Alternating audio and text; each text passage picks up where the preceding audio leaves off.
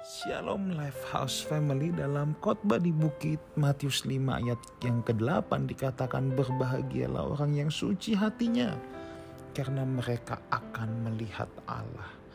Saudara, di sini jelas suci hatinya. Maksudnya apa? Hatinya bersih. Hatinya tidak punya niatan buruk, hatinya tidak punya niatan jahat. Orang yang hatinya suci, dalamnya suci, outputnya pasti suci Orang yang kelihatannya suci belum tentu insight-nya, dalamnya juga suci. Tetapi orang yang dalamnya suci, outcome-nya, output-nya, tindakan yang keluar pasti suci. Bisakah orang yang suci hatinya berbuat kesalahan?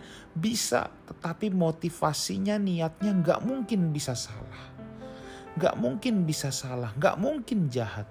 Niatan hatinya pasti baik, niatan hatinya pasti mau menjadi berkat, mau membawa kedamaian. Nah inilah orang yang disebut orang yang suci hatinya, orang yang tidak menyimpan dendam, orang yang tidak menyimpan amarah dalam hatinya, orang yang tidak uh, mereka-rekakan yang jahat untuk orang lain, orang yang tidak mencelakakan orang lain atau berharap orang lain mendapatkan celaka.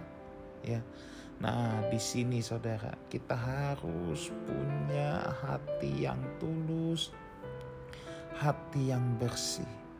Sebab hanya orang-orang yang suci hatinya, orang-orang yang selalu niatannya bagaimana aku menolong orang lain, bagaimana hidupku jadi berarti untuk orang lain, bagaimana aku menjadi uh, roti yang terpecah, anggur yang tercurah bagi sesama Nah itu orang-orang yang suci hatinya. Orang-orang yang seperti ini akan melihat Tuhan. Melihat Tuhannya di mana mungkin bukan lagi berdoa tiba-tiba dapat penglihatan. Bukan itu saudara. Tetapi saya percaya orang yang hatinya bersih.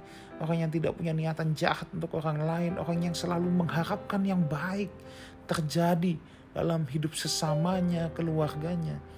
Dia akan melihat Tuhan dalam seluruh aspek hidupnya di pekerjaan dia melihat Tuhan. Dia melihat campur tangan Tuhan, bagaimana Tuhan bekerja dalam hidupnya. Itu juga melihat Allah. Ya. Ada orang yang tidak bisa melihat bagaimana Tuhan menyertai hidupnya.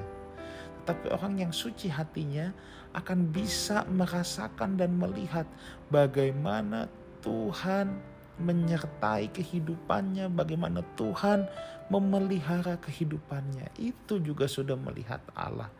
Jadi melihat Allah nggak tunggu kita doa puasa dapat penglihatan tentang Tuhan Yesus. Enggak, enggak. Dari hal yang natural. Saudara lagi berkumpul dalam komunitas, dalam pekerjaan. Saudara bisa melihat bagaimana Tuhan bekerja di komunitas saudara. Bagaimana Tuhan bekerja di area-area kehidupan saudara, di keluarga kita, di hubungan-hubungan yang kita bangun, di pekerjaan, di bisnis.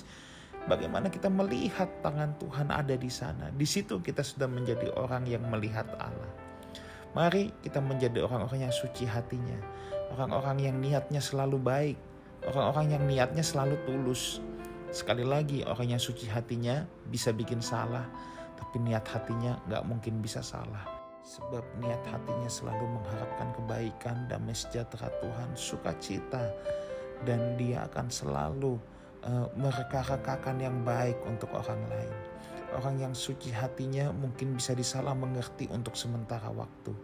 Tetapi pada akhirnya waktu pasti juga akan membuktikan bahwa dia orang yang suci hatinya. Tuhan Yesus menyertai kita semua. Haleluya.